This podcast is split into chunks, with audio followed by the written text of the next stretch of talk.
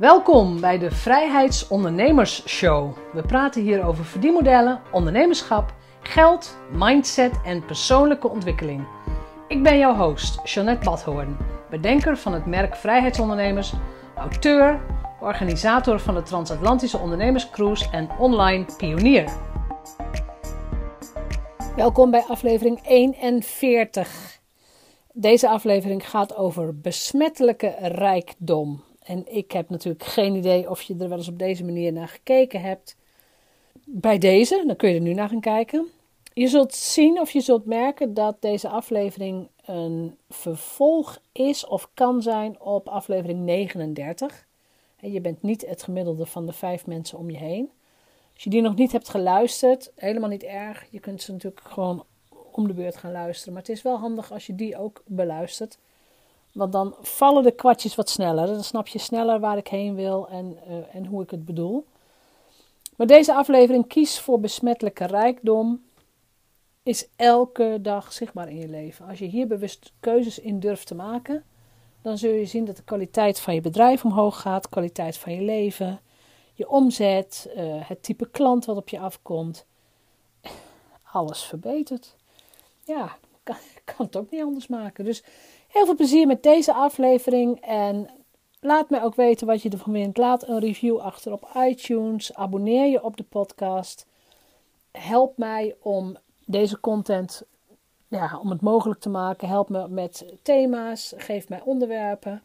Ik heb zelf al een hele lange lijst hoor. Dat geeft niks. Maar er kan natuurlijk altijd wat bij. Dus heb je specifieke vragen, laat het me weten. Ik sta er zeker voor open. Maar deze aflevering is weer een tip uit mijn zesde boek, Expert Tips voor een doorbraak in je money mindset. Het boek zelf is alleen nog maar als e-book verkrijgbaar op dit moment. De tweede druk moeten we nog gaan bestellen. Met dit gezegd hebbende, het gaat over geld. Ik wens je veel plezier en deel je inzichten. Veel succes! In deze aflevering ga ik nog iets dieper in op met wie ga je om en welke invloed heeft dat op jou. Dus de titel van deze aflevering is Kies voor besmettelijke rijkdom. En daar waar rijkdom staat, kun je ook armoede gaan, gaan neerzetten. Dus armoede en rijkdom zijn beide besmettelijk. En dat klinkt een beetje raar, hè? kies voor besmettelijke rijkdom. En toch gaan we er eens naar kijken.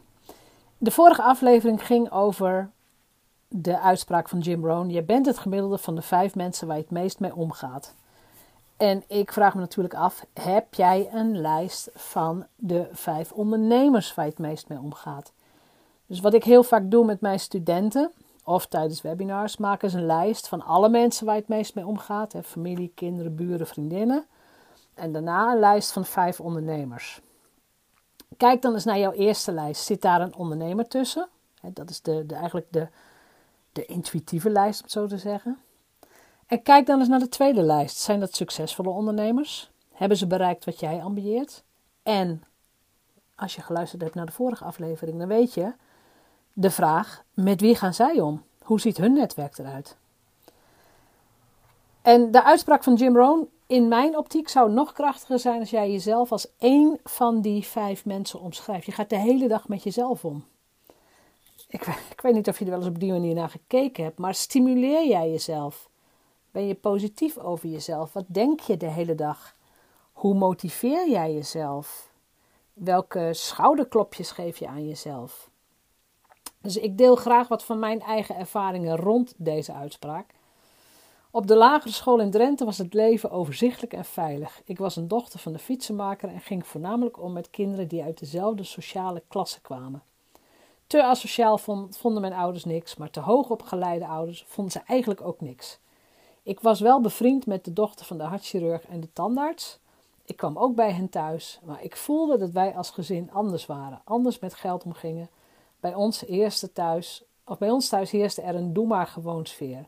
Niet te positief en ook niet te negatief, maar gewoon. En op de middelbare school ging dit patroon door. Op de universiteit pas kwam ik in aanraking met mensen die voor hun talent gingen. Die met mensen wilden werken.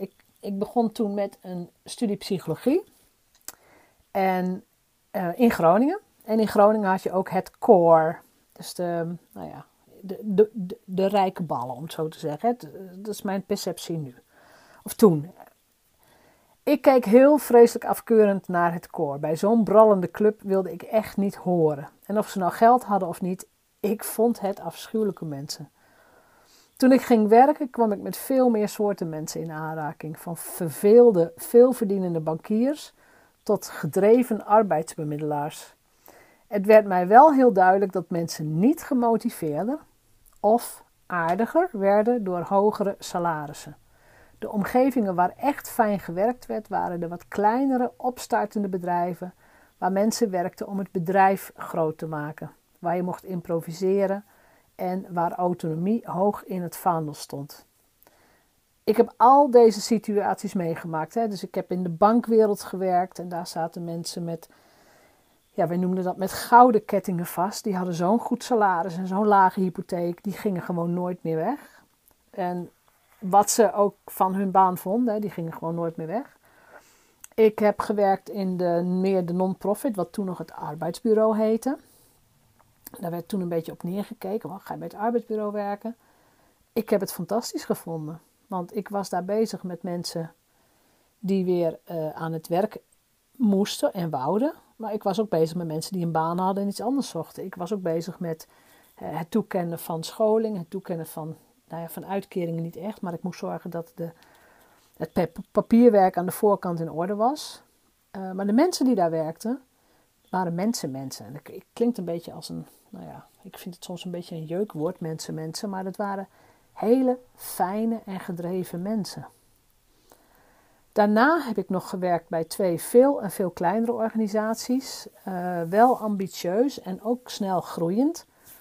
En dan merk je dat je absoluut niet voor het salaris gaat. Het salaris moet natuurlijk gewoon in orde zijn, maar je gaat niet voor het geld, het grote geld en de mensen om mij heen ook niet. Wij gingen met z'n allen voor een doel, voor een target, voor meer klanten, voor meer naamsbekendheid, voor ja, gewoon, gewoon lekker hard werken om de boel te laten groeien. Autonomie stond hoog in het vaandel. Er waren eigenlijk nog helemaal geen functietitels. En jij doet dit en jij doet dat. Nee. Wel ongeveer. Maar als ik iets niet kon doen, dan nam mijn collega het gewoon over. En kon zij iets niet doen, dan nam iemand anders het over of ik nam het over. Dus de mensen om je heen hebben effect op jou. Er zijn twee variabelen die bepalen in hoeverre jij beïnvloed wordt door de mensen om je heen. Ten eerste zijn dat jouw bewustzijn en je veerkracht als individu. Ten tweede is dat het collectieve bewustzijn van de groep om je heen. Samen bepalen deze punten hoe jij wordt of bent. Je kunt nog zo bewust en slim zijn, maar als je continu wordt omringd door mensen met een negatieve blik op de wereld of met een fixed mindset, dan krijg je daar last van. Zoek daarom mensen om je heen die jou stimuleren en die je willen zien groeien. Uh, ik verwijs weer naar de aflevering hiervoor. Het is ook de kern van het boek van Robert Kiyosaki, Rijke Pa, Arme Pa. Als je dat nog niet hebt gelezen, dat is een must. Hij beschrijft daarin zijn twee vaders. Zijn biologische vader met een vaste baan bij de universiteit, niet in staat om meer geld te maken en altijd bang om het kwijt te raken. Met andere woorden, denken in schaarste. En de vader van zijn beste vriend, zakenman en rijk. Kiyosaki heeft continu geleerd van rijke pa, zodat ook hij nu een mindset van rijke mensen heeft. Napoleon Hill beschreef het al in 1937, Think and Grow Rich. hoe worden mensen rijk en wat denken ze? En hij beschrijft daar ook in dat succesvolle en rijke mensen in zogenaamde mastermind groepen zitten. Dus ze helpen elkaar om te groeien. Het succes van de mastermind werd bepaald door de succesvolle leden van de groep. Samen werden ze nog succesvoller. En ik durf te wedden, als je gaat kijken, als je er oog voor hebt, dat je ook nu samenwerkingen ziet tussen mensen die allemaal, allebei, alle drie, alle vier, die allemaal heel goed gaan. Die uh, hun bedrijf goed op orde hebben, die groeien, die de goede dingen doen, de goede dingen zeggen. Die elkaar helpen, elkaar steunen, er voor elkaar zijn. En ze hebben er allemaal, allemaal hè, allebei, alle drie, alle vier, allemaal profijt van. Dus ik heb voor jou nu een oefening, want wat ik je nu vertel komt weer uit het boek Expert Tips voor een doorbraak in je money mindset. De oefening die hierbij hoort is een eenvoudige oefening om tot jouw kern te komen. Vraag 1. Wat voor soort iemand wil jij zijn? Welke kwaliteiten heeft jouw ideale ik?